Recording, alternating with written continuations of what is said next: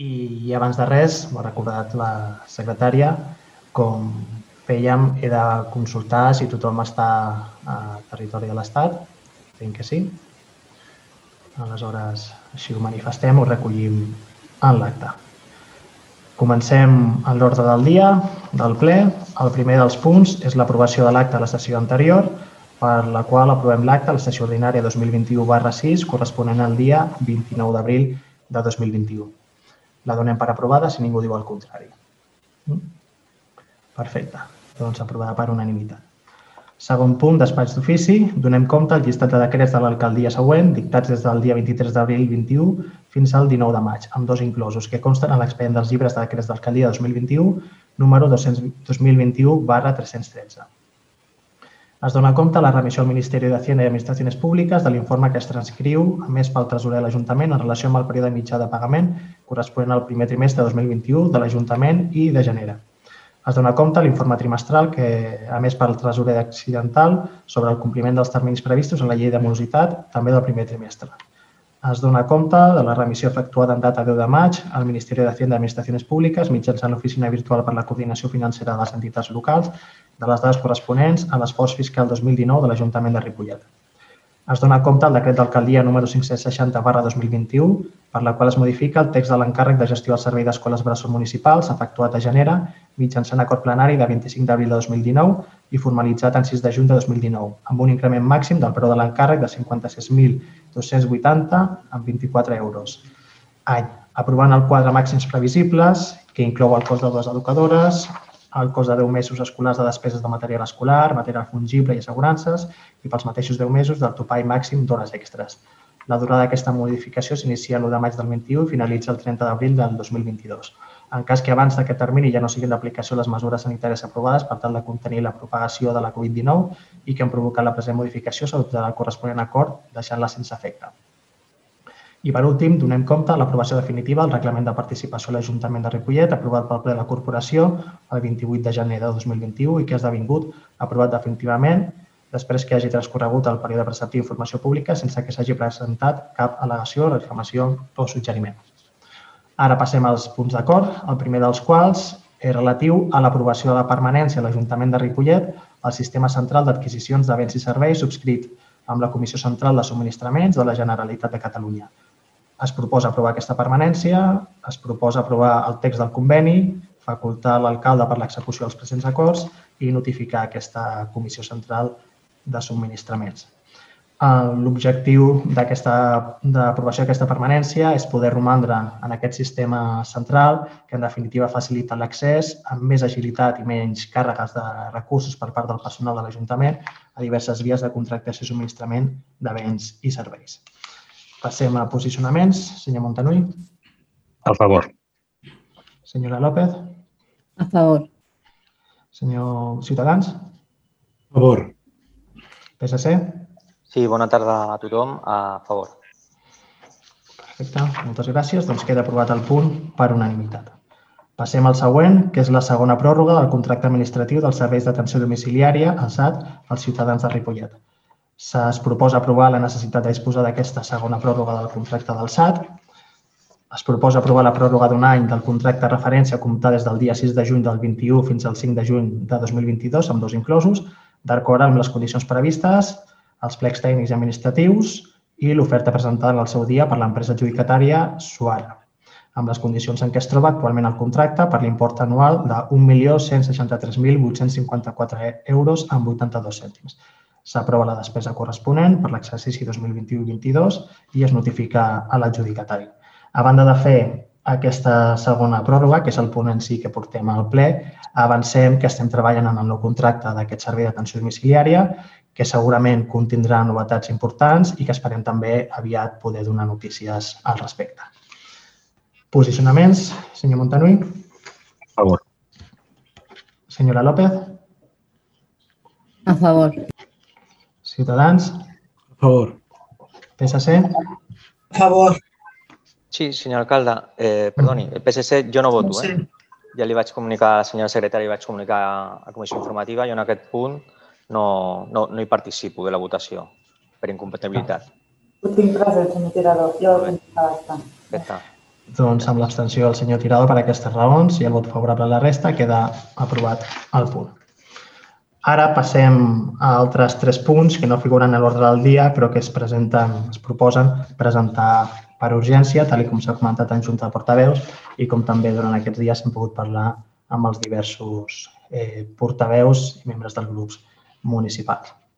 El, la primera de la urgència, en aquests punts el que caldrà primer és votar la urgència eh, que requereix de la majoria absoluta, si m'equivoco la secretària em corregirà, i posteriorment faríem la votació substantiva del contingut del, del punt. El primer dels punts que portem com a urgència és la proposta d'acord relativa al règim de dedicacions, retribucions i indemnitzacions dels membres corporatius. Aquest és un punt que tornem a portar a ple per les següents raons. Recentment s'ha detectat un defecte formal sobre la resolució d'alcaldia del 12 de juliol de 2019 que assignava les dedicacions a diversos membres del govern. Entrant en més detall, en el ple ordinari de l'11 de juliol del 2019 es van aprovar, a banda de les indemnitzacions per assistència als òrgans col·legiats, les dedicacions del govern municipal. Es va aprovar la dedicació exclusiva de l'alcalde, dues dedicacions exclusives més del 100% i quatre dedicacions parcials del 50%. Tant la llei de bases de règim local com el nostre ROM estipula que les dedicacions exclusives són incompatibles amb qualsevol altra dedicació o feina. Els regidors que havien de tenir assignades les dedicacions exclusives, la regidora Pilar Castillejo i el regidor Oriol Mor, van expressar el seu desig de poder compaginar la dedicació a l'Ajuntament amb les seves respectives feines professionals, per no perdre aquest lligam laboral amb la seva activitat professional, donat que entenem que estem a l'Ajuntament de Pas. És per aquesta raó que també assessorats per les indicacions de diferent personal municipal, es va indicar que a través d'un decret d'alcaldia es podia modular sempre a la baixa aquesta dedicació exclusiva del 100%, passant a ser una dedicació parcial del 95% i fer possible, com a conseqüència, la compatibilitat. I, de fet, així és com es va fer.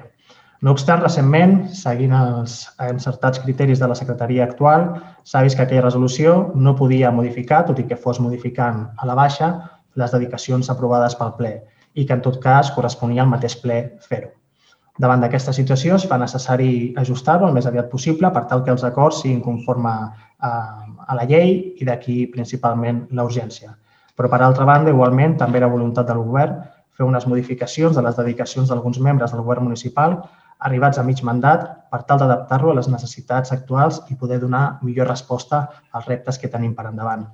Donat que havíem de passar per urgència al punt per corregir la situació factuosa anterior, hem considerat adient poder introduir algunes petites modificacions que teníem plantejades. En tot cas, i abans de, de tallar-les, si us sembla, eh, votem l'apreciació la, de la urgència del punt. Senyor Montanui. Sí, a favor de la urgència. Senyora López. Sí, a favor. Eh, Ciutadans. A favor. PSC. A favor. Perfecte, queda aprovada la urgència per unanimitat. I ara passem a comentar el contingut de l'acord i, de fet, a nivell substantiu, l'única diferència d'aquest acord és la transformació de dues de les dedicacions parcials del 50% al 75%, de forma que es proposen tres dedicacions exclusives del 100%, inclosa la de l'alcalde, dues del 75% i dues del 50%. L'augment de despesa serà mínima i estarà al voltant d'uns 20.000 euros anuals, seguretat social inclosa, i amb el rendiment que se'n traurà a nivell de ciutat. Un cop aprovat, durant els propers dies s'acabarà de fer i signar el decret d'alcaldia que concretarà les assignacions de cadascuna de les retribucions, però que, en tot cas, procedeixo a avançar. La senyora Pilar Castillejo deixarà la seva feina professional per tal de passar de, la dedicació del 95% al 100%. Entre d'altres, degut a la propera implantació del nou sistema recollida de residus porta a porta, ens exigirà la màxima atenció per estar pendents del seu desenvolupament i poder estar al costat dels veïns en qualsevol circumstància. La senyora Meritxell Caler també deixarà la seva activitat professional i passarà d'una dedicació parcial a la dedicació exclusiva. Estem en un moment crucial pel que fa al present i al futur del desenvolupament econòmic, productiu, industrial i comercial de la nostra ciutat i, per altra banda, tenim, també tenim en marxa projectes importants que lidera la regió de Caler, com el Viver d'Empreses, la Casa de la Dona, el Ripollet Vital, així com tota una sèrie de projectes vinculats a ocupació i empresa. Per altra banda, el senyor Oriol Mor veurà reduïda la seva dedicació del 95% al 75%. Però també en aquest cas no tingueu cap dubte que seguirà dedicant-hi les mateixes hores que ara.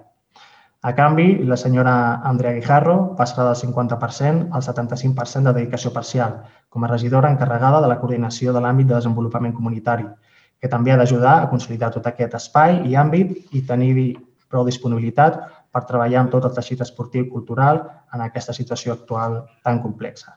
Les altres dedicacions del 50% quedarien de dir com estan configurades a dia d'avui a les regidores Reyes Muñoz i el regidor Fran Sánchez. Així doncs, passem a posicionaments. Senyor Montanui. Sí, gràcies, alcalde. Uh, com ho havia dit, entenem per una banda que estem, estem resolent un, un defecte de forma o podríem dir una disfunció, entre cometes, una disfunció administrativa i per una altra pan, i per una altra banda estem aportant eh, més recursos presencials i en el benentès de que una major d'educació hauria de, de repercutir directament en un millor servei cap a la ciutadania, és evident que en aquest cas el meu posicionament és a favor. Gràcies. Gràcies. Senyora López. Sí, nosaltres votarem abstenció. Gràcies. Ciutadans? Sí, per la nostra part entenem que el tema de les dedicacions és un meló que tradicionalment s'obre a principi d'una legislatura i comporta pactes, però, com molt bé dit l'Eugeni, ell parla de disfunció, jo, utilitzant un argot més del carrer, diria que avui estem refent un nyap, un nyap que algú va fer i que, evidentment, no és culpa de vostès que els van potser assessorar malament. Per tant, el nostre vot eh, serà l'extensió. Gràcies. PSC. Sí, bona tarda de nou a tots i totes i a totes les persones que s'estan escoltant des de casa. El nostre vot en aquest, en aquest cas, eh, com ja li he avançat en privat al, al senyor alcalde aquesta tarda, serà, serà en contra. Contra per diversos motius. El primer d'ells, i no més important, és eh, que pensem, i per cultura d'aquest Ajuntament, sempre tot el tema de retribucions i assignacions es fa a principis de mandat i no a meitat de mandat. Eh, en aquest cas el govern ho pot fer a meitat de mandat o inclús l'any que ve, tu podria tornar-ho tornar a fer, està amb el seu dret, però pensem que, que no és la, la forma. Eh, i són acords que, que es parten a principis de legislatura amb els quals, recordo, tots els grups vam estar d'acord. I ara mateix ja no estarem tots d'acord. Eh, això implica, eh, com, ha, com ha dit l'alcalde, quasi 30.000 euros, no pocs més de 20.000, sinó que és un 60% més de jornada estem al voltant de 30.000 euros de despesa per l'Ajuntament, en un moment, en moment que tothom ha de saber. Ripollet està al 16% d'atur, al 16% d'atur, eh, amb una situació econòmica complicada eh, per moltes famílies de Ripollet i ja no és un fet del, dels diners, d'aquests 20 i pico mil, 30.000 euros, sinó que és, és la imatge que donem que en un moment de crisi i de pandèmia com la que estem patint actualment, resulta que diversos regidors s'apugen el sou perquè s'apuja l'assignació, la, la, d'acord, perquè faran més feina, diuen, no? Però la realitat és que hi ha regidors que eh, s'incrementen les hores de dedicació a l'Ajuntament, que deixaran la seva feina, com no pot ser d'una altra manera, eh, però la realitat és que hi ha regidors, dos regidors, que s'apugen l'assignació d'un 50% al 75% en un moment de crisi com el que estem patint. O sigui, el missatge que donem a la gent és que tothom està patint un 16% d'atur a Ripollet, que no, no el corregim, la segona ciutat de la comarca amb la tassa d'atur més elevada, però nosaltres a l'Ajuntament ens continuem, bueno, es continuen vostès, nosaltres no. Vostès es continuen pujant el sou i les retribucions eh, perquè s'apugen les hores de feina. Tot això ve donat perquè el nostre grup, el, ROM, ho van veure de que s'havia fet un decret d'alcaldia que, no era, que no era correcte, perquè eh, s'havia modificat. El dia següent d'aprovar-ho per ple, el dia següent, el dia 12 de juliol, quan el ple es va aprovar el dia 11 de juliol, un, una, resolució, una resolució d'alcaldia que modificava un pacte de ple que només ho pot modificar el ple. I on, on deia que el senyor, bueno, en aquell cas no ho deia perquè després ja es van posar els noms i cognoms, a la senyora Pilar Castillejos i al senyor Oriol Mor, que se'ls baixava del 100% al 95%. 95% que han estat durant dos anys, cobrant de dues en aquest cas, alguna, la senyora Castillejos, de dues administracions públiques, de l'Ajuntament de Sant Quirze del Vallès, amb l'atribució, en la retribució que tingués allà, ho desconeixem i no ens importa, i el 95% a l'Ajuntament de Ripollet. O sigui, un sou i mig, com a mínim, segur. I el senyor Oriol Mor, suposem que el mateix amb, on treballa ell. No ens agrada entrar en temes eh, de les persones privades, però aquest és un tema prou greu de, de falta d'ètica d'aquests dos regidors. Li, li he manifestat abans a l'alcalde i pensem que, que, que aquí ha faltat molta ètica, perquè això era molt fàcil. Si des d'un principi volien treballar a la seva empresa, al ple del dia 11 de juliol haurien d'haver aprovat doncs, un 75% d'assignació i ja està, i podrien haver treballat perfectament, com ara farà el senyor Mor, i, i estem d'acord. Si, si ha de treballar i vol continuar treballant a l'empresa on està treballant i fer el que, el que hagi de fer, ho pot fer, però s'hauria d'haver aprovat per la porta gran i no per la porta de darrere, com van fer el dia 12 de juliol amb aquell decret d'alcaldia d'amagats. Sí? Perquè d'això ens hem assabentat ara. Veritat que els decrets són públics, però això ningú va comunicar i, i ho hem vist ara. No? Aleshores, ara mateix l'únic que estem aprovant aquí és un increment del 60, de un, com si contractéssim o poséssim amb un regidor que tenia un 0% de dedicació un 60% més, perquè el que estem fent és que li baixem a la senyora Castillejos, li pugem, perdó, un 5%, al senyor Mor li baixem un 25%, però pugem un altre 50%, perquè pugem d'un 50 a un 75 a dos regidors i a l'altre la pugem al 100%. Per tant, al final, el resum de tot això és que hi ha un regidor, suposadament hipotètic, que tindrà un 60% de dedicació que abans no el tenia. D'acord? I no ho trobem ètic. No ho trobem ètic pel moment amb el que estem vivint ara. Si això ho haguéssim fet a principis de, de legislatura, nosaltres, ja li he dit abans a l'alcalde, ho haguessin aprovat. Haguessin estat d'acord. Però ara estem en un moment de pandèmia, en un moment de crisi social molt important a la ciutat de Ripollet que sembla que no, està, no ho estiguin veient vostès. D'acord? I això ara no era el moment de fer-ho. Perquè el missatge que se'ns dona des d'aquest Ajuntament és un missatge de que aquí passen de tots i que aquí ens posem més retribucions i ens posem més hores de feina perquè, perquè, perquè ara ens va bé, perquè ara estem a dos anys i ara podem fer això. I ho poden fer, però no ho trobem ètic i, per tant, ho votem en contra. Gràcies. Bueno, senyor Tirado, diverses coses. Aquesta proposta és, total legit, és totalment legítima fer-la ara, a mig mandat. Segurament seria diferent si això es plantegés per dir així sis mesos abans de les eleccions o un any. És totalment legítim i lògic fer aquestes modificacions a dia d'avui. A l'inici de mandat es fa amb unes previsions i posteriorment es van veient quins són els àmbits i els jocs i les necessitats on cal reforçar, així com també quines són les persones amb la voluntat i la possibilitat de fer aquest reforç. Els canvis són ben lògics i amb un impacte mínim d'augment de la despesa total. Per tal d'aquí vostè no tracti fer un casus belli d'una cosa que no té. En tot cas, li explico a pujar el sou seria amb una mateixa feina o dedicació augmentar el salari. I aquí res d'això s'està fent. Aquí s'està dient que dues persones renuncien a la seva activitat professional per dedicar-se completament a l'Ajuntament, sense cobrar més del que cobraven a les seves feines i amb la incertesa també afegida sobre com podran retornar aquestes feines. Aquest petit augment de les dedicacions suposarà un guany per tota la ciutat, faran encara més hores, dedicaran més esforços, més reunions i més projectes. I això serà bo per Ripollet i serà bo precisament pel que vostè eh, comentava i estic d'acord, per la situació de la nostra ciutat, que en requereix el millor de nosaltres.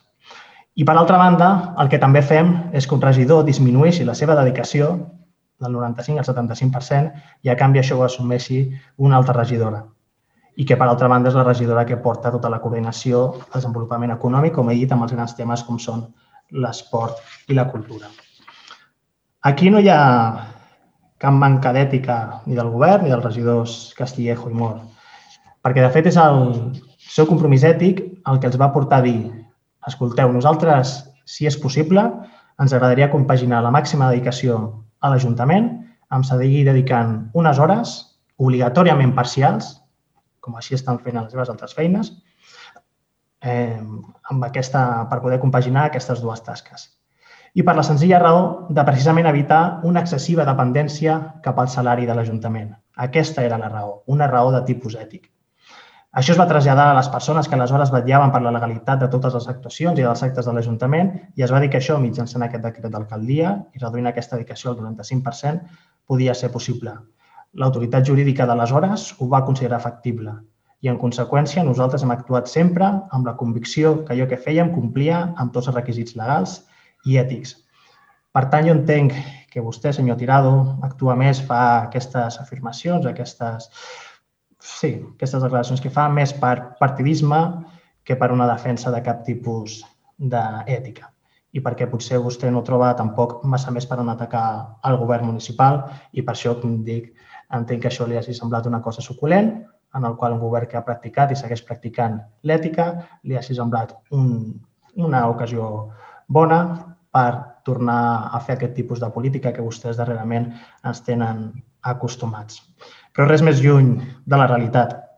En aquest cas, tant la regidora Oriol Moll com la regidora Castillejo són dues persones que han dedicat i seguiran dedicant totes les hores que calgui a l'Ajuntament i a la seva gent i que també dedicaven hores a no perdre aquest vincle professional i que, en definitiva, deia, són persones amb les seves dedicacions parcials tant a l'Ajuntament com a la seva feina, que han complert amb el seu compromís i, per tant, rebent la retribució que els hi toca per aquestes dedicacions.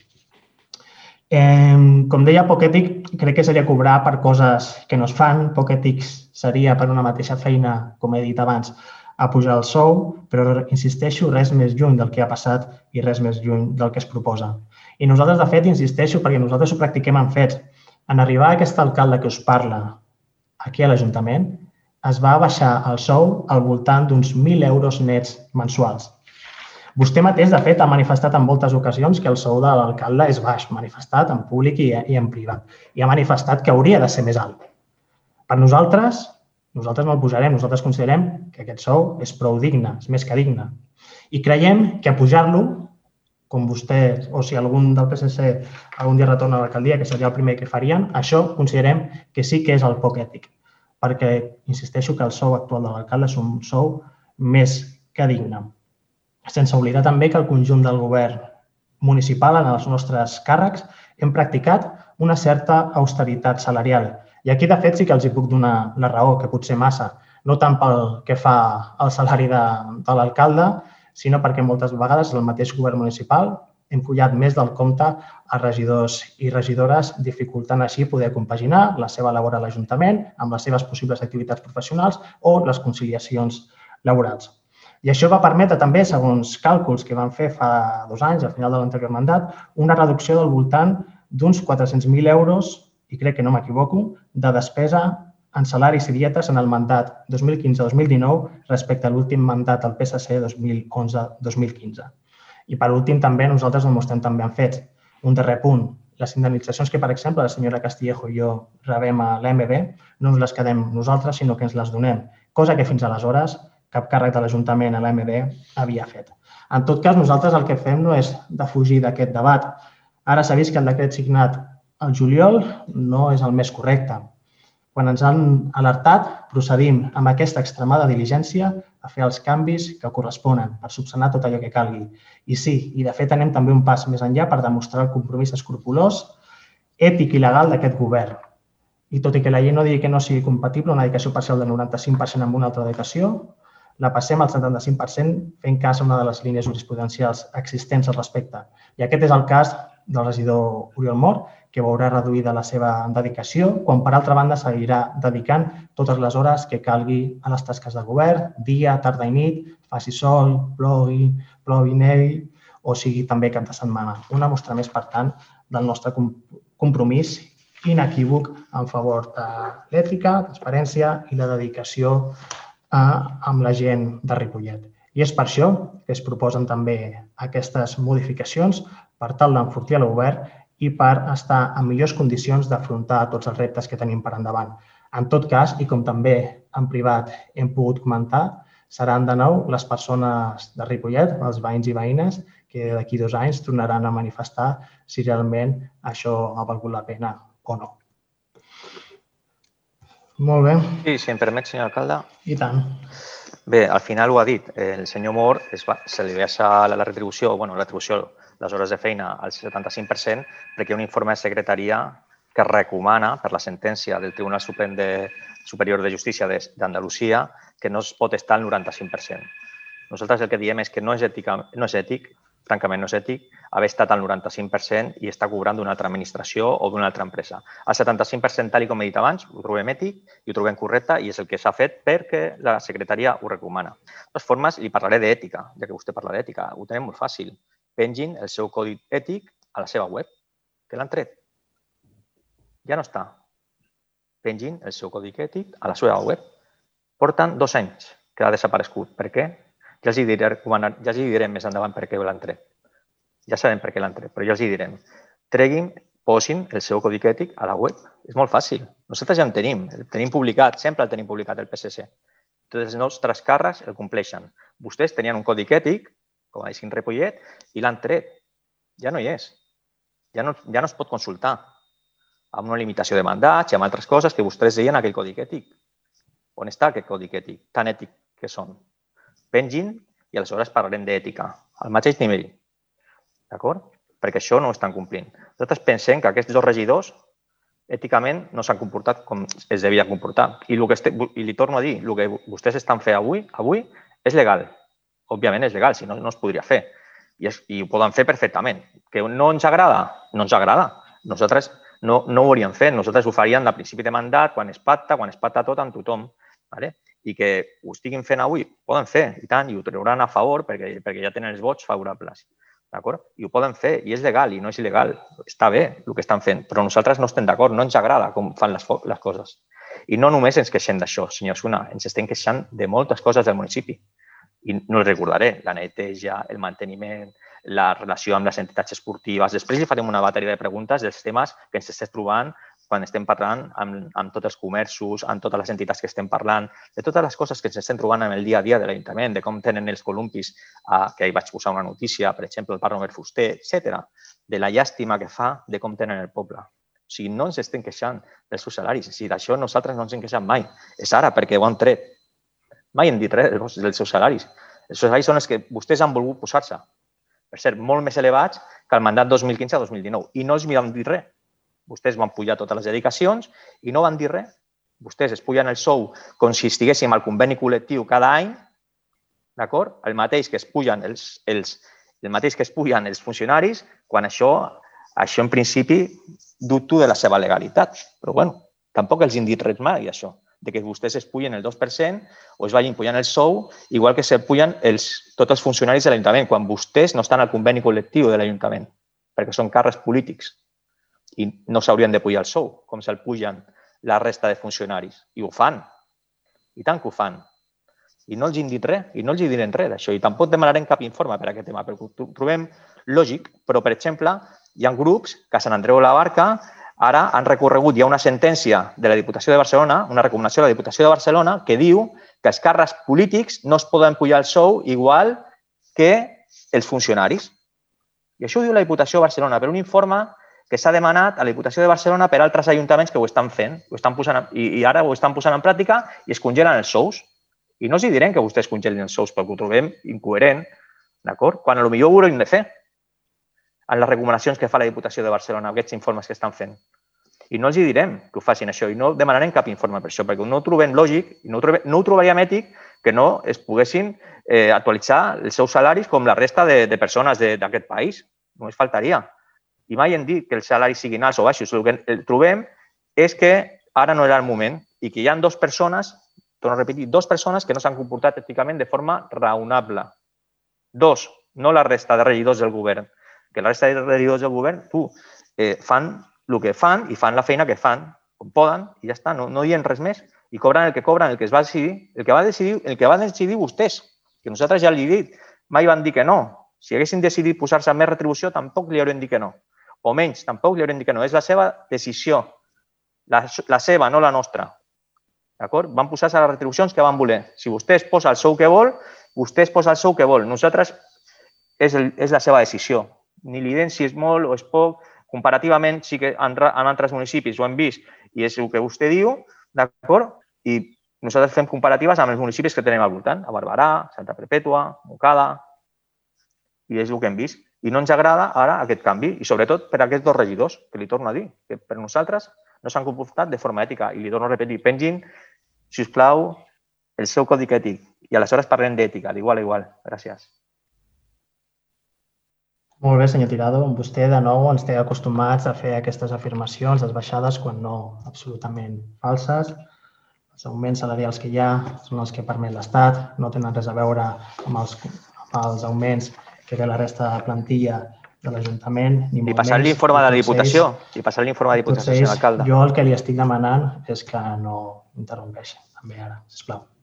Això vostès el que estem acostumats darrerament, eh, deixant a segons quines afirmacions. Estava claríssim que, que vostès, amb aquesta errònia política que estan seguint els darrers mesos, que aquesta ocasió tam també farien aquest discurs que acaben de, de fer, sembrant tots aquests dubtes, però com li dic, el nostre compromís legal i ètic i també d'aquests dos regidors que s'ha esmentat, com he explicat, ha estat tot el que havia de ser, assessorats per les persones que tocaven, dedicant totes les hores del món aquí a Ripollet, amb uns salaris, amb uns sous humils però dignes. I aquesta ha estat la tasca que nosaltres des de fa sis anys insisteixo que portem, perquè vostè tot intenta després embolicar i enredar, però els fets són els que són. Són el que els he dit dels fets que ha fet el Guàrdia de Cim amb la baixada de sou de l'alcaldia, així com els estalvis relatius i comparatius amb anteriors mandats on governava el PSC. Bé, no obstant, deixem aquí. I amb el vot contrari del PSC, les abstencions de Ciutadans i de SOM i el vot favorable al regidor no escrit, queda aprovat aquest punt. Passem ara al següent, segon, que és relatiu a la suspensió de llicències pels usos recreatius, especialment vinculats als jocs i apostes. Eh, fa més d'un any es va aprovar per aquest plenari diverses mocions per fer front a la ludopatia i posar fre, posar fre a la proliferació de cases d'apostes a la nostra ciutat. Entre d'altres, es va acordar que l'Ajuntament iniciés els treballs per fer una regulació sobre la futura implantació d'aquest tipus d'activitats, posant-hi límits i distància respecte a equipaments municipals. Aquest treball en forma de modificació del Pla General Metropolità de Pla d'Usos Recreatius està avançada i esperem que en un termini de 3-4 mesos poder portar l'aprovació per a aquest plenari. Amb l'aprovació també hauria d'haver vingut aparellada la suspensió de llicències, però que en tot cas avancem per a aquest ple perquè donat que recentment tant l'Ajuntament de Barcelona com encara més a prop nostre l'Ajuntament de Montcada i Reixac han aprovat normatives que van en la línia que aprovarem properament nosaltres, cal prendre amb urgència la mesura de suspensió de les llicències per tal d'evitar que atenent aquestes limitacions que cada cop més estan posant eh, estem posant als municipis, ens arribin noves peticions de llicències de cases d'apostes. I, per tant, considerem que seria oportú portar al ple aquesta proposta d'acord de suspensió de llicències.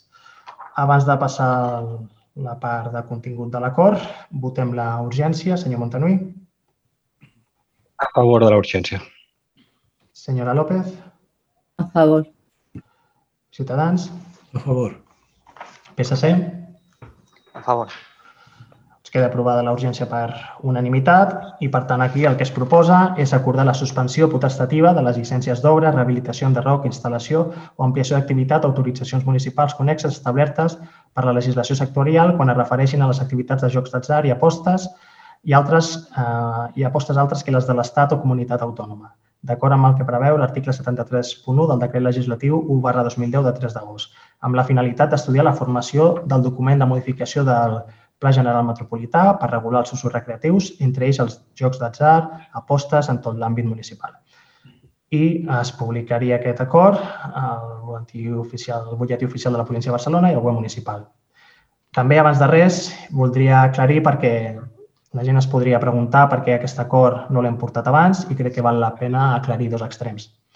En primer lloc, tot i que també es va comentar ja farà un any, quan hi va haver el debat de les mocions, explicar, tornar a recordar que un cop hi ha una petició, ja sigui de certificat urbanístic o de llicència, per molt que de forma immediata s'aprovés la suspensió, no tindria efectes eh, davant d'aquests certificats o de llicències demanades prèviament, tot i que encara no s'hagin acordat. I, per altra banda, la suspensió, la llei no permet que sigui eterna i es limita a un termini màxim de dos anys. No es va aprovar fa un any perquè no s'aixequés la suspensió en ple tràmit de la modificació urbanística, cosa que ens podria deixar en una situació problemàtica. Però ara, donada la maduresa del document, que, com deia, que aviat esperem poder-lo portar a ple, el més prudent i sensat és prendre aquest acord que portem a aquest ple. Molt bé. Posicionaments, senyor Montanui. Uh, gràcies, alcalde.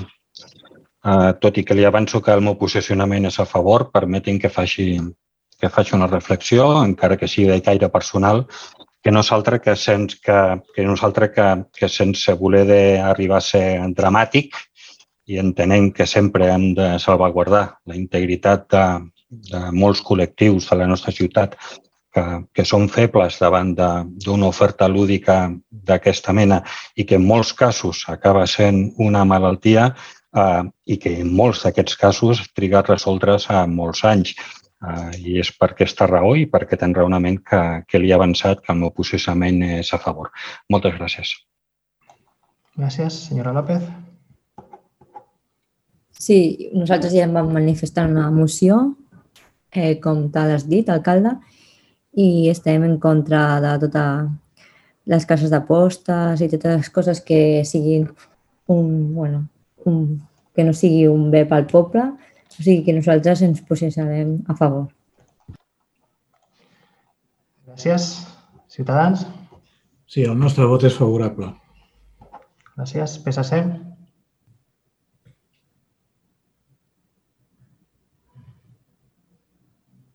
PSC, no sento a ningú. Ramon Martos, el micro. Que el tens, que no se t'escolta, Ramon. Ara, se'n sent? Sí. Sí? Gràcies. Bona tarda a tots. Eh, deia que en, ens sembla a, tots, a nosaltres, com a grup municipal, doncs molt adient aquesta suspensió que don, diguéssim, i posa en pràctica aquella moció que en el seu dia ja vam aprovar. No, no, no explicaré massa el contingut perquè en la moció ja diu clarament tota una sèrie de principis que tots els que estem aquí sentats eh, van defendre en el seu moment i, per tant, nosaltres doncs, votarem a favor. Gràcies. Doncs no hi ha cap més comentari. Queda aprovat per unanimitat aquesta suspensió de llicències i, per tant, entenc que a dia d'avui queden suspeses totes les sol·licituds vinculades a aquest tipus d'activitats i jo crec que com a municipi ens hem de donar l'enhorabona per aquest pas, restant a l'espera de poder portar als propers plens la modificació urbanística abans comentada. Passem a la tercera de les urgències i última, que és la proposta d'aprovació inicial del Reglament Municipal de Prestacions Socials de caràcter econòmic. En aquest cas, el fet és que no s'ha arribat a temps material d'entrar-ho a les comissions informatives, donat que s'havia, entre d'altres, de convocar una comissió d'estudi corresponent, d'aquest reglament, que es va celebrar divendres passat i on hi havia participació dels diversos grups municipals i regidors aquí presents. En primer lloc, eh, votem la urgència. Senyor Montanui. A favor de la urgència. Senyora López. A favor. Ciutadans. A favor. PSC. Sí, a favor. Molt bé, doncs ara, si us sembla, li cedeixo la paraula a la regidora de Serveis Socials, Reis Muñoz, per tal que que presenti aquest reglament.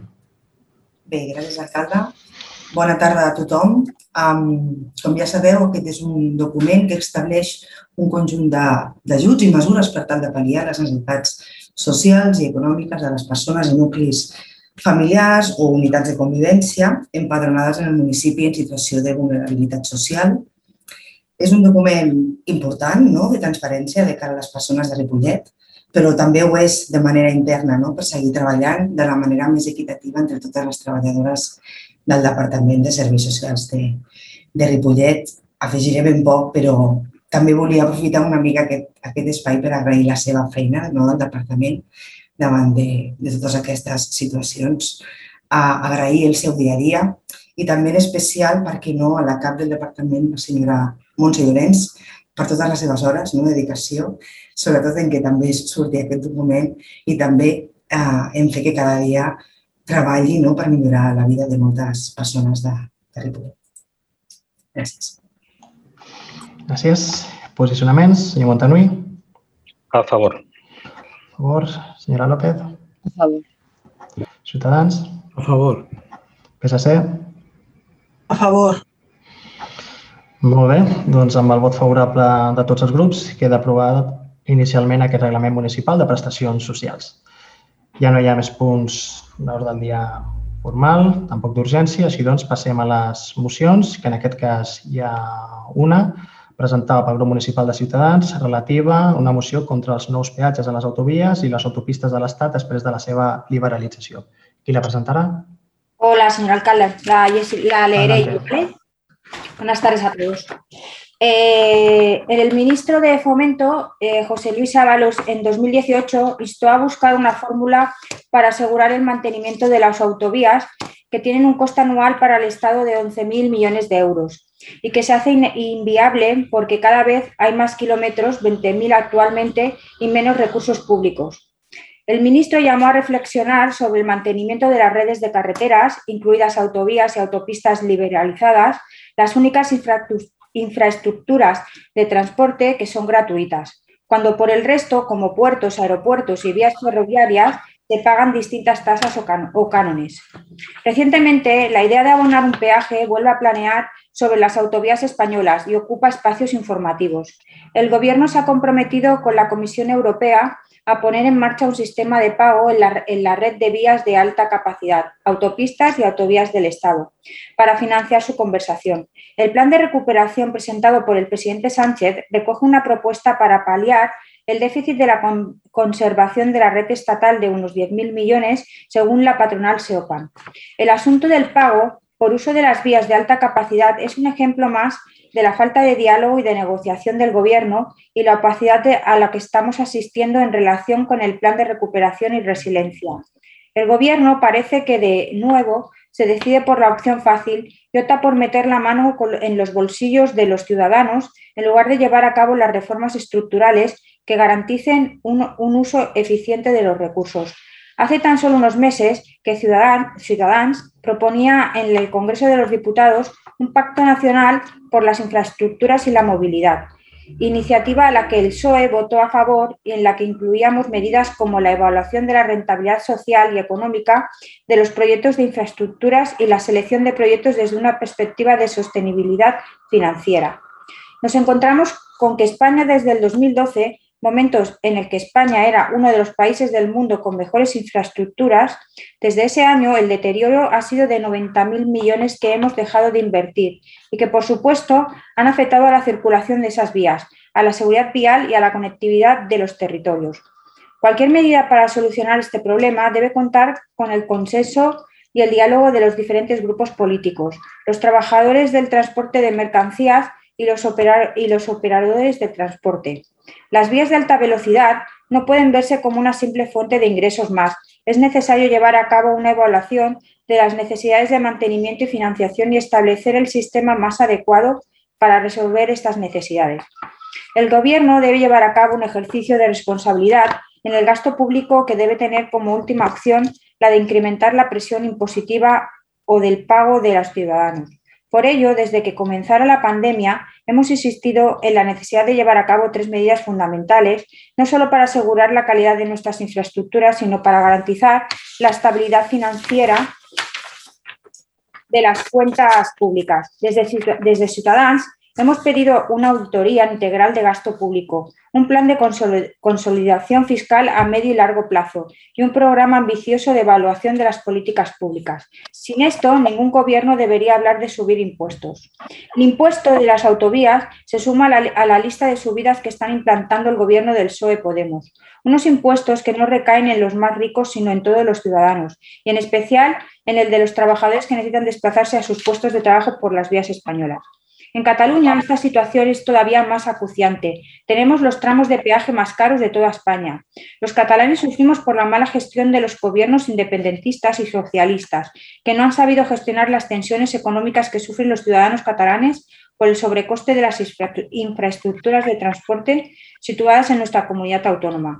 El gobierno de Podemos nos está mintiendo de nuevo con el nuevo impuesto de las autovías, como hicieron con el IVA de las mascarillas. Nos dice que es una imposición de Europa y simplemente con ver que muchos países de la Unión Europea no tienen peajes quedan retratados.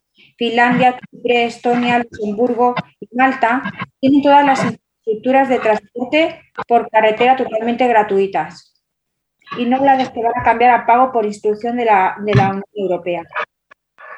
Hay alguien que tiene el micro abierto, no sé quién es. Es por ello que el Grupo Municipal de Ciudadán somete a la consideración y debate del Pleno la aprobación de los siguientes puntos. Primero, el Ayuntamiento de Ripollet insta al Gobierno de España a no instaurar el cobro de autovías y en las autopistas del Estado tras su liberación. Dos, el Ayuntamiento de Ripollet insta al Gobierno de España a no grabar a los ciudadanos con nuevos impuestos que penalizan todavía más la situación de crisis económica de las familias españolas e impiden la recuperación económica de los trabajadores y las empresas. Tres, el Ayuntamiento de Ripollet insta al Gobierno de España a negociar con el resto de las fuerzas políticas y con los agentes de los sectores afectados una medida de consenso para, para solventar el déficit de mantenimiento de las vías de alta capacidad, de forma que no repercutan en el bolsillo de los ciudadanos o priven a ciertos territorios, principalmente el de España rural, de las conexiones necesarias para un desarrollo económico sostenible y equilibrado de todos los rincones de nuestra geografía nacional. Cuarto punto. El Ayuntamiento de Ripollet insta al Gobierno de España a acordar un pacto por las infraestructuras y la movilidad entre todos los grupos parlamentarios que tenga como base los siguientes objetivos. Despolitizar las inversiones e infraestructuras y se comprometa con la eficiencia de la, sostenibilidad. Que garantice el estudio de la rentabilidad socioeconómica y haga un análisis coste-beneficio de las medidas tomadas en materia de infraestructuras y movilidad. Que asegure la estabilidad de la inversión pública en infraestructuras sin depender del ciclo económico y que las medidas tomadas tengan en cuenta las necesidades de los trabajadores y la vertebración del territorio, para no dejar a nadie atrás. Muchas gracias. Gràcies. Posicionaments, senyor Montanui. A favor. Senyora López. Abstenció. Eh, PSC. Sí, nosotros en esta moción eh, la vamos a votar en contra. básicamente por, tres motivos. El primero, los antecedentes, obviamente no estamos en absoluto de acuerdo con los mismos. Estamos comparando España con Liechtenstein, Luxemburgo o Chipre. Creo que las realidades no son las mismas, para nada. La realidad de un país como España es más similar a la realidad de un país como Portugal, Francia o Alemania, por tamaño y por, por movilidad y por dimensión, no, no a, a, micropaíses, o tampoco a Finlandia, que es un país eh, de los más ricos y con, con, unas infraestructuras radicalmente diferentes y con una población muy, muy baja en comparación con, con, la dimensión que tiene el país. También porque es un debate de ámbito nacional, eh, un debate y además porque es un debate que no está cerrado. Es un debate que a nivel estatal se está dando ahora mismo, un debate que, seguramente, y estamos convencidos de que el gobierno eh, socialista eh, y de Podemos eh, tendrá la, tendrá la mejor opción al final para, para poder llegar a un acuerdo con, con, la mayoría de partidos posibles, como, como, está haciendo con todas las leyes que están, que están aprobando y con todas las medidas que está haciendo el Gobierno de Progreso de España. Con lo cual, por estos tres motivos, el nuestro voto es en contra. Gracias. Gràcies. Per part de Cidim, senyor Sergio Linares. Moltes gràcies, alcalde. Eh, bona nit, bona, bona tarda, regidores i regidors. El nostre vot respecte a aquesta moció serà l'abstenció.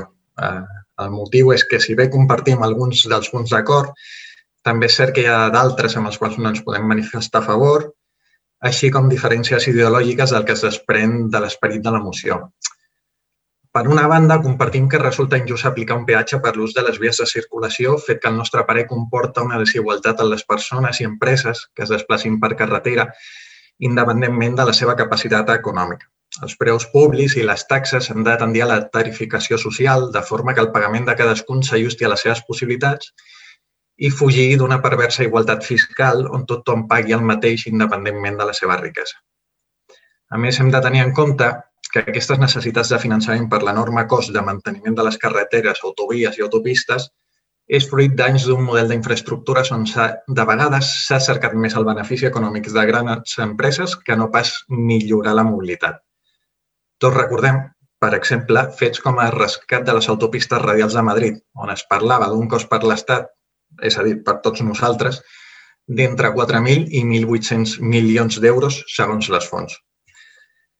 Però l'impacte econòmic, el que s'incideix a la moció, no és l'únic problema provocat per un model d'infraestructures viàries que busca la rendibilitat econòmica d'uns pocs. Així no hem d'oblidar el greu impacte mediambiental de les grans infraestructures, com és el cas, per exemple, del quart cinturó, que fa poc des de Decidim van portar aquest ple també en forma de moció. Com demana el grup de Ciutadans, és necessària una avaluació del model d'infraestructures del país, però no únicament pel que fa a la seva sostenibilitat econòmica, que també, sinó a més pels greus impactes mediambientals i per la necessària adequació a un nou model de mobilitat on es redueixi l'ús del vehicle privat i s'aposti per fomentar l'ús del transport públic. També aquesta Espanya de zones poc poblades, on molts cops s'eliminen línies i formen de transport públic amb l'excusa de la sostenibilitat financera. Finalment, el punt 2 de la moció demana no crear nous impostos per no impedir la recuperació de les famílies i les empreses. Aquí hem de dissentir. Per afrontar la crisi que estem vivint i la que vindrà, serà necessari l'esforç de tothom i especialment d'aquells que més tenen. Cal un canvi fiscal on les persones i les empreses amb major riquesa portin per ajudar a la recuperació econòmica, social i sanitària.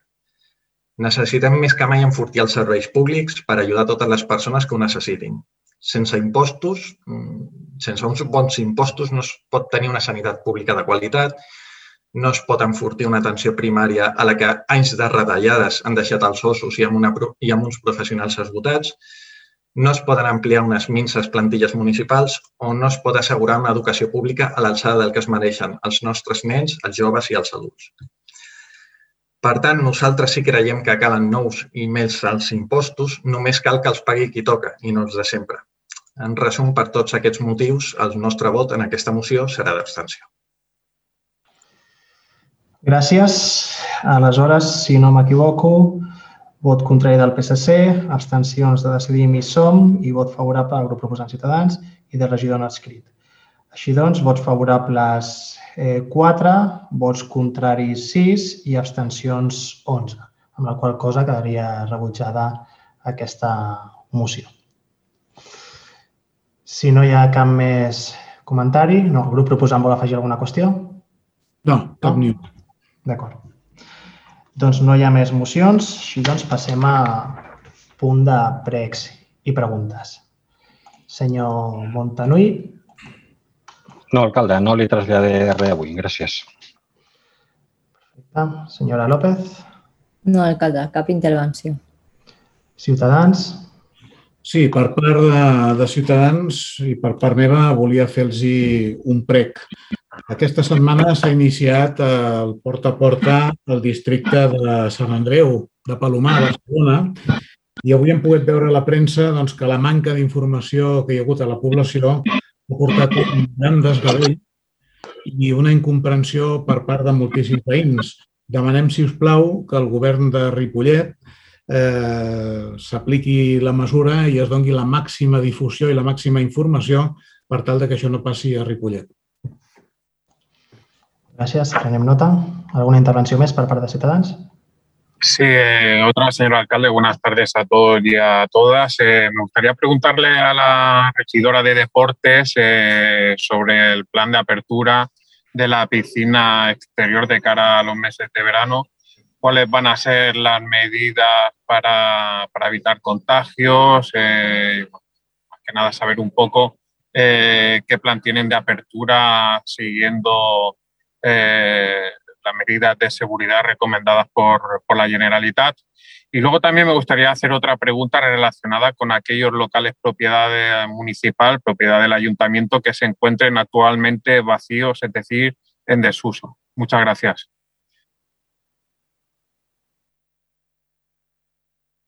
Disculpa, locales del ayuntamiento actualmente en desuso. Sí, sí locales del ayuntamiento, locales municipales eh, que se encuentren en desuso. Si me puede indicar si existen actualmente locales propiedad del ayuntamiento que se encuentren en desuso, ah, es decir, sin uso alguno. ¿De acuerdo? Vale, vale, vale. No es por ninguno en concreto, sino es para conocer si realmente existen este... Sí, exactamente. Gràcies. Gràcies. Entenc que de Ciutadans no hi ha cap més qüestió. No? Doncs passem al PSC. Endavant, l'ordre que vulgueu. Yo también quería hacer un ruego. Eh, mm, estuvieron responsables del PSC hace unos días haciendo una visita por las instalaciones de, del polideportivo. Se reunieron con varias entidades deportivas que manifestaron su malestar por la falta de mantenimiento, seguridad e higiene que hay en las instalaciones. La pista cubierta está toda manchada de cacas de paloma, muy sucia y así es imposible entrenar, en unas mínimas condiciones higiénicas. Y cuando llueve se llena de agua. También algunas pistas de tenis han estado sin poderse utilizar durante varios meses porque pararon las obras que estaban haciendo. Y en la pista de atletismo las colchonetas están rotas. Los lunes, cuando van a entrenar, está todo lleno de basura de gente que ha ido el fin de semana a hacer picnic. Eso se podría solucionar poniendo un vallado con llave y quien quiera entrenar puede pedir la llave a conserjería. Se ruega que ahora que van a tener más horas de dedicación, se miren de solucionar estos problemas y tomen medidas, que también pueden aplicarlo al resto del pueblo. Gracias.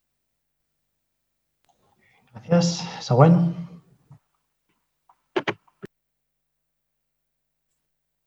Hola, bona tarda a tots i totes.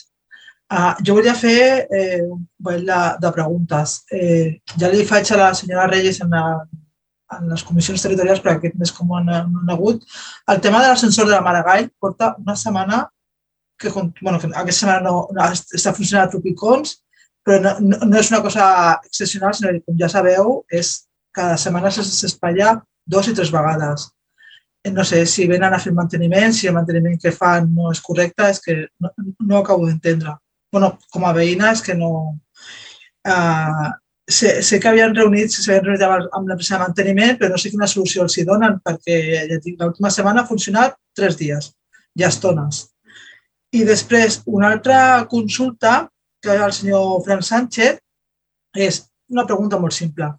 Per què el, el bus 685 i 620 sí que porta les finestres obertes i, i tot molt correcte i a l'E4, si trobes un autobús amb dues finestres obertes, ja és molta alegria. Si tots els treballadors tenen la mateixa conscienciació de, del que estem patint, eh, perquè uns, una, unes línies sí que ho fan i altres no, no ho porten. Simplement és una, una consulta. Gràcies. Gràcies. Següent. Sí, eh, senyor Cala. Jo tinc una, una pregunta per la senyora Castillejos, regidora d'Hisenda, eh, i fa referència també a algú que ha comentat ara el senyor Linares, no? el tema de la tarificació social que tant, que tant s'omplen la boca. Eh, portem sis anys esperant la tarificació social de les llars d'infants. Sempre han dit que s'ha d'estudiar, que s'ha d'estudiar. Bueno, estem al maig. Eh, la pregunta és, han començat ja, han fet alguna cosa, o estan estudiant, o volen posar en marxa en aquest mandat, o, o, o no? Portem sis anys esperant. És a dir, portem sis anys dient que eh, s'hauria de fer tarificació social a les llars d'infants, que s'ha d'estudiar, que altres municipis ja ho tenen, i vostès sempre diuen que sí, que sí, que s'ha de fer, s'ha d'estudiar, però sis anys, sis anys. I passa el temps i aquí no es fa res. Aleshores, eh, ho pensen fer per proper any? la tarificació social a les llars d'infants o continuaran estudiant dos anys més. ¿Vale? Y después, eh, mire, señor alcalde, de esta oposición que no le gusta que hacemos, pues resulta que nos estamos reuniendo con muchos comercios y con muchas entidades. De hecho, ya llevamos 75 comercios, 75.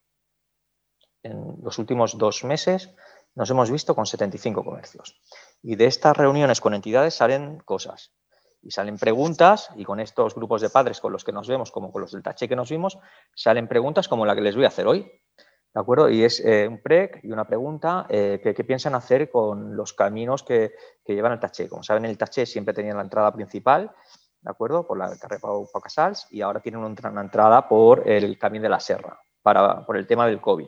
Los padres para llegar allí tienen, de verdad, les recomiendo que vayan a la hora de la salida o la entrada, y que vean y que anden por el pueblo y hablen con la gente ¿eh? y que vean cómo llegan ahí los padres con carritos, mujeres embarazadas, los accesos que tienen por medio de la montaña, ¿de acuerdo? Sin caminos sin asfaltar, sin caminos sin, sin árboles sin podar, todo lleno de defecaciones de perros, gente que se ha caído embarazadas, gente que va con carritos de bebé con bajadas, con unas rampas tremendas, que cuando llueve aquello es un fangal.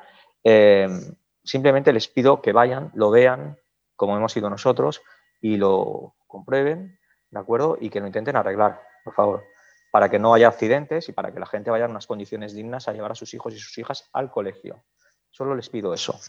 Y esto viene de esa oposición que usted critica, que dice que es la oposición de fotografía. Pues esa es la oposición que está haciendo el PSC. Y la vamos a seguir haciendo. Porque es la oposición de estar al lado de los vecinos y vecinas, que es lo que tenemos que hacer como oposición, y saber los problemas para traerlos aquí. Y exponérselos y que ustedes busquen soluciones. Y luego, otro tema, que es un tema que ya he visto que hoy han ido corriendo ya a limpiar por fin los, los columpios del Parno Berfusté, que es qué pasa con, los parques eh, en Ripollet, eh, porque estamos recibiendo quejas de muchísimos padres y madres, ¿de acuerdo?, de que las zonas infantiles están, quedan asco, es que están muy sucias, es que no se limpian. El problema es que no se limpian y llevan allí eh, sin limpiarse meses. Entonces, ¿qué pasa? Que, que, claro, los animales existen y entonces hacen sus cositas y se queda todo enganchado en todas partes, como ya puse en las fotografías que he colgado recientemente en mis redes sociales y en las redes del PSC.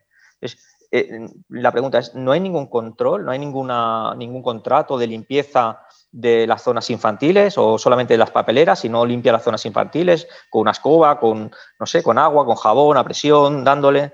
¿De acuerdo? Eh, esto, esto no está incluido en el contrato que, que tenemos, eh, no lo pueden incluir, la limpieza de, de, las zonas infantiles para que tengan un espacio digno eh, los niños y niñas de, de Ripollet donde poder jugar.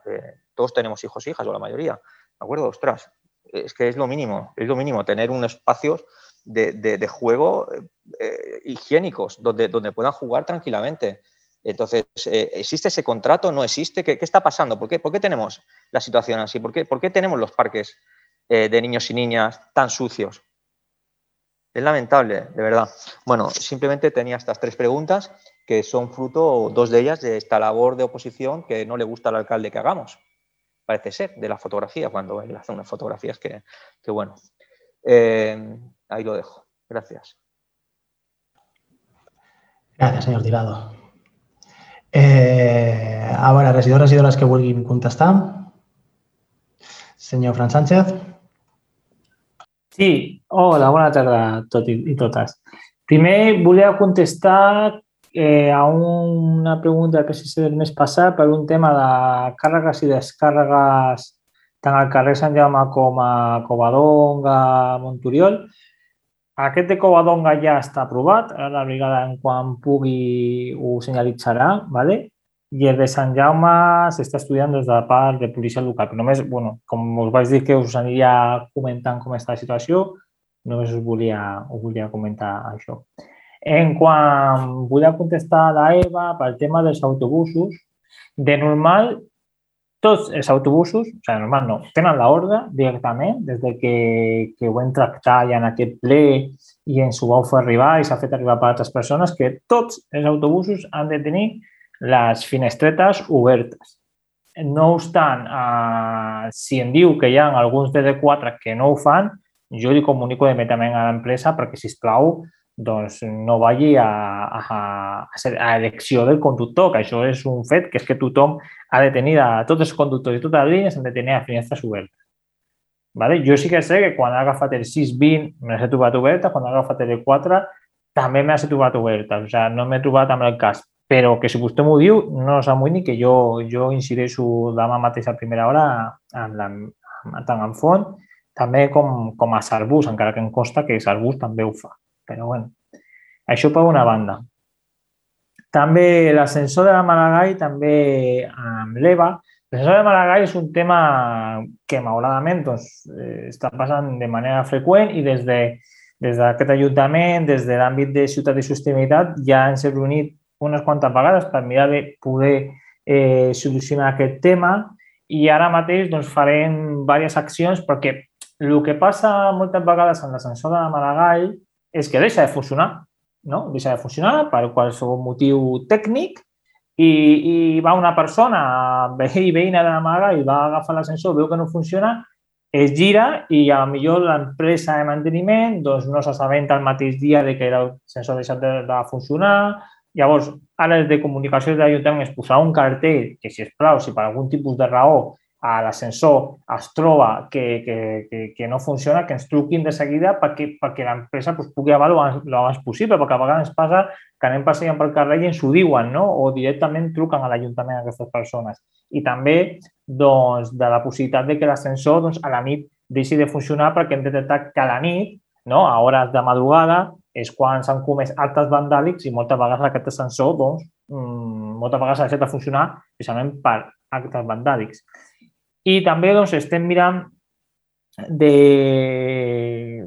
de amb el contracte de manteniment actual de, de treballar en un, amb un manteniment correctiu. O sigui, ja m'engega maquinàries per dir, hosti, hem canviat d'empresa, doncs anem a fer aquest, eh, aquest contracte de manteniment correctiu perquè, si plau, doncs si cal que si l'empresa vingui eh, més assiduament a repassar-ho, encara que veiem que funcioni, perquè l'ascensor també vam estudiar fins i tot la possibilitat de poder canviar-ho, però és que l'ascensor és nou, o sigui, l'ascensor té molt poc temps, o sigui, no és cosa de l'ascensor, hem canviat l'empresa de manteniment, llavors ara farem aquest contracte nou de manteniment correctiu, que ja l'estem treballant, per poder adelantar-nos a incidències que pugui tenir l'ascensor, perquè, com diu vostè, moltes persones, veïns i veïnes de Maragall, a vegades no poden sortir del carrer perquè no poden utilitzar aquest aquest ascensor i això no, no, no pot ser. Llavors, que sapigueu que estem treballant en poder solucionar amb aquest eh, manteniment correctiu i avançar-nos a possibles mm, averies que pugui tenir l'ascensor.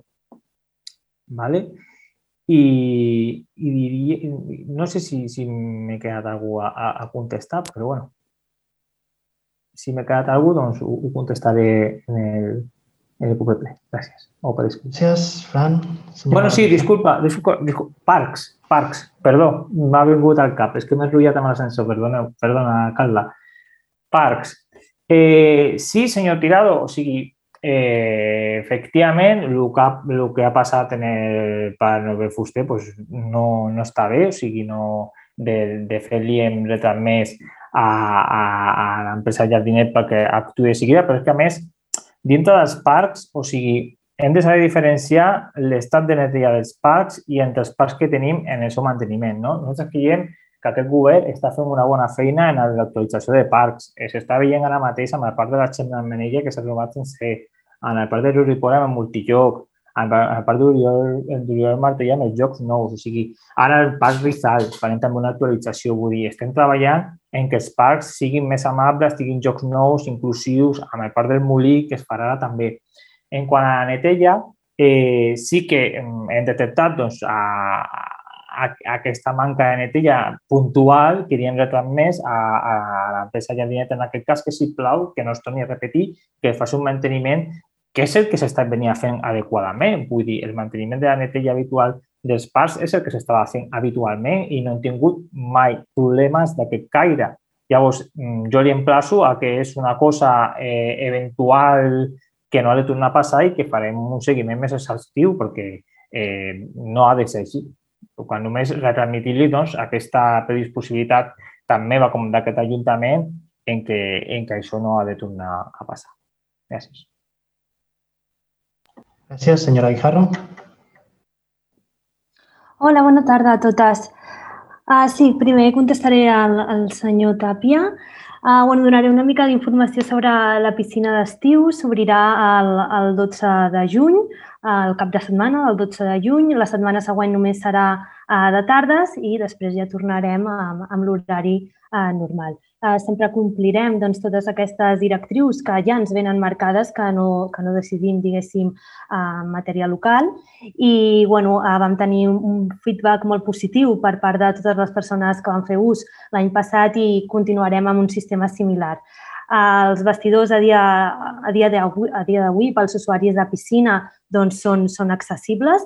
Per tant, de moment, si, si no hi ha cap restricció que ho impedeixi, les persones usuàries de, de piscina descoberta doncs, podran fer ús d'aquests vestidors. Ah, de fet, de, de sempre hem tingut eh, durant aquesta temporada personal que està exclusivament tota l'estona a vestidors i a la zona de piscines per fer les netelles adients i ho continuarem també amb, amb, aquest, amb aquesta reserva a través de, de la web de, de l'Ajuntament.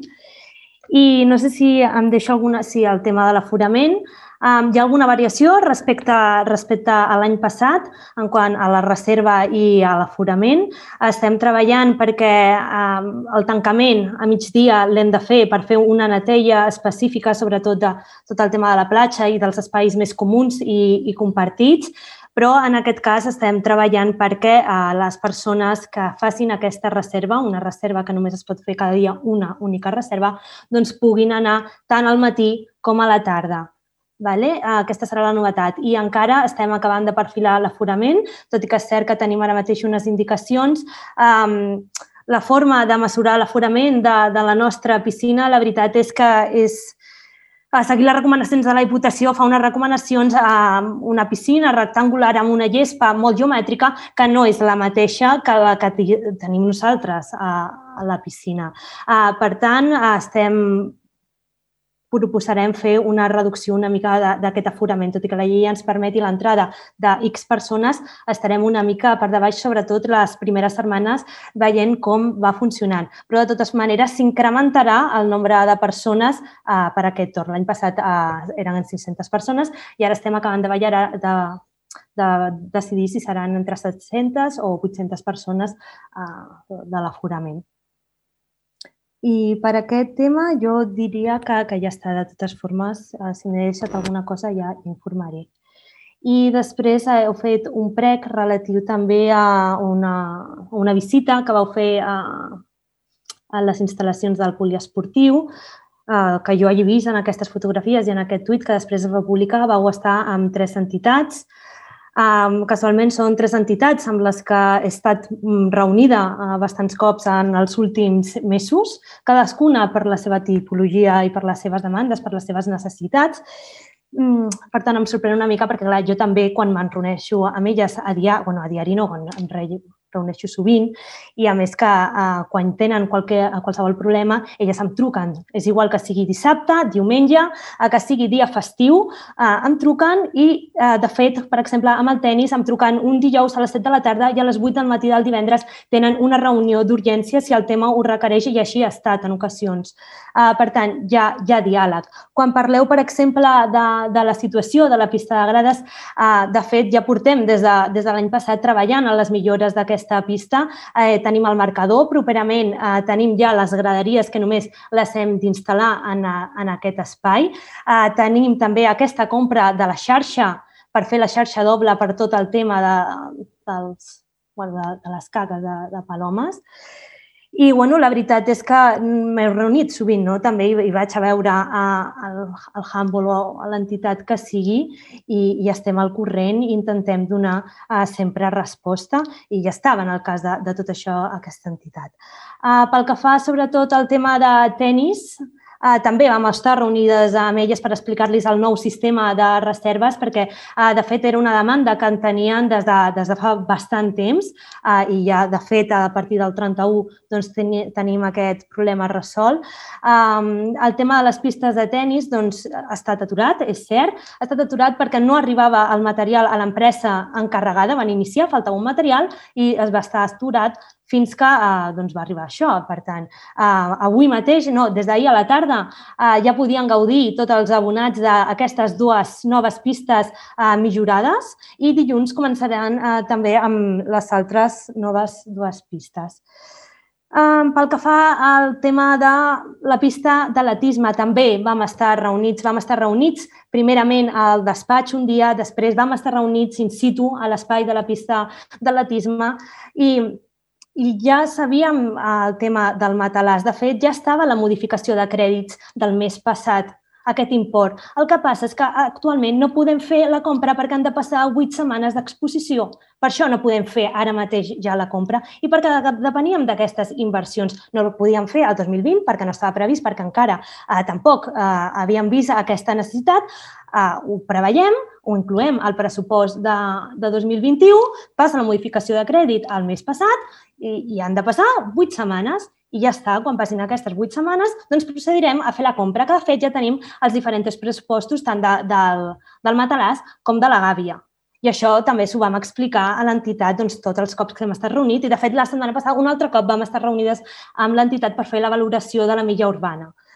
I, bueno, de fet, vam estar parlant també en, amb elles, amb tots els nous projectes i que, i que seran possibles. No? I, i bueno, de fet, el 7 de juny eh, vindran a moure tot el terra de la pista d'atletisme perquè s'ha de sanar i perquè puguin fer la seva pràctica d'una millor manera, igual que també eh, aprofitarem per fer també aquest cercle de llançament que ens ha demanat eh, l'entitat. Per tant, érem conscients de tot el que heu publicat, um, estàvem ja treballant, no és una cosa que vosaltres ho dieu i, i ràpid ho fem, no, estava parlat, eh, i quan dieu que hi ha manca de diàleg amb les entitats, doncs no, jo tinc aquest diàleg eh, personal amb les, amb les entitats i, de fet, quan jo vaig també em diuen em diuen quin ha sigut el seu canvi no? i el seu sentit del vot i què no es feia durant tot aquest passat i per què ara doncs, han decidit algunes persones doncs, doncs, votar el que voten. Elles ja saben què va passar moltes legislatures anteriors. I, bueno, em va sorprendre. És que no m'agradaria això, però és que, de fet, em van trucar persones uh, d'entitats. No sé per què riu vostè, la veritat. Em sembla una, una falta de respecte totalment que li faci gràcia. Més gràcia em fa a mi que vostè tregui unes caques ah, d'unes palomes i que digui està això uh, fatal. Si Com que no li puc treure... contestar, em deixa que li contesti? No, ara estic parlant. Sí, ah, no, si ara és que m'està preguntant. Si vostè em pregunta, jo li contesto. Si no, si no, no, si no, no em digui res. No, senyor Tirado, no té la paraula. Segueix, doncs aleshores la senyora Andrea que no em digui res. Ah, mira, jo diré el que cregui, no fa falta que de vegades doncs es fan aleshores deixin que li contesti, no... deixin que li contesti. A nosaltres, no, aquestes no entitats es van reunir, senyora, es van reunir a nosaltres perquè ens ho van demanar. O sigui que és radicalment diferent de tot el que està vostè dient ara mateix. O sigui que no menteixi més. Gràcies. No, no menteixi vostè, que a mi m'han trucat després les entitats dient la situació tan incòmoda sí, sí. que es van trobar amb aquesta fotografia, eh? Sí, sí, ja. Doncs, doncs se, la va fer mi, se la van fer amb mi, o sigui, era, estaven allà amb mi, eh, quan la van fer, eh? O sigui, és... molt incòmoda senyor, devia ser, senyor però estaven Tirado, amb mi. Senyor Tirado, senyor Tirado, sisplau, no té ús de la paraula. Doncs que no parli de mi. Ella parlarà del que consideri que ha de parlar. Vostè doncs té els seus no, espais... No refereix a mi. Si jo no, no puc contestar, no, no refereix a mi. No té el torn de paraula, senyor Tirado. O sigui, d'això parlen sempre del ROM, per això, per això portem sis anys intentant canviar-lo. Perquè vostès parlen de nosaltres amb el torn de pres i preguntes i no ens deixen després fer cap rèplica. És que això és, és, és, és inaudito, de veritat. Per no deixar-lo, està parlant vostè. Senyora Guijarro, segueixi, sisplau. Bueno, poc res a dir. Jo, jo sé el que em diuen uh, les entitats. Jo entenc que dintre de les entitats hi ha persones amb diferents ideologies, això el, el, el tinc assumit i molt clar, però el que jo no faig és, és mentir. Perdoni, vale? eren els tres presidents de les entitats, els tres presidents. Senyor Tirado, no li acabo de dir, com a alcalde, soc el... Senyor Tirado, no té ús de la paraula. Molt bé. Bueno, Entenc. sí, ho deixo, ho deixo aquí. Jo crec que ja està ben clar que totes aquestes actuacions que farem per millorar eh, ja estaven previstes i continuarem amb aquesta línia de treball i res més. Gràcies, senyora Guijarro. Penso la senyora Castillejo. Sí, jo sobre el tema de la tarifació social de les escoles Bressol. Això dels sis anys, senyor Tirado, per a nada, eh? Vostè té aquí la informació i no cal que em contesti perquè no m'estic adreçant a vostè, sinó referència a la pregunta que m'ha fet. No cal que, que em talli la paraula, com sembla que avui toca. Uh, al setembre del 19 comencen les escoles bressol municipals i és en allà que nosaltres agafem el compromís amb les famílies que estudiarem de quina manera farem la tarifació social perquè la proposta que els hi van portar van dir que millor estudiar-la. Setembre del 19 durant el 20, que hi havia hagut tota la pandèmia no cal que li recordi, no fem aquest estudi. No hem estat estudiant durant un any com farem la tarifació social. Per tant, no és que portem dos anys estudiant, sinó senzillament doncs, ho hem aparcat per dedicar-nos al que ens havíem de dedicar durant aquest 20. I ara hem reprès aquest estudi i el proper curs hi haurà tarifació social a les escoles Bressol. Gràcies. Gràcies. Algun regidor o regidora volia afegir alguna cosa més? No?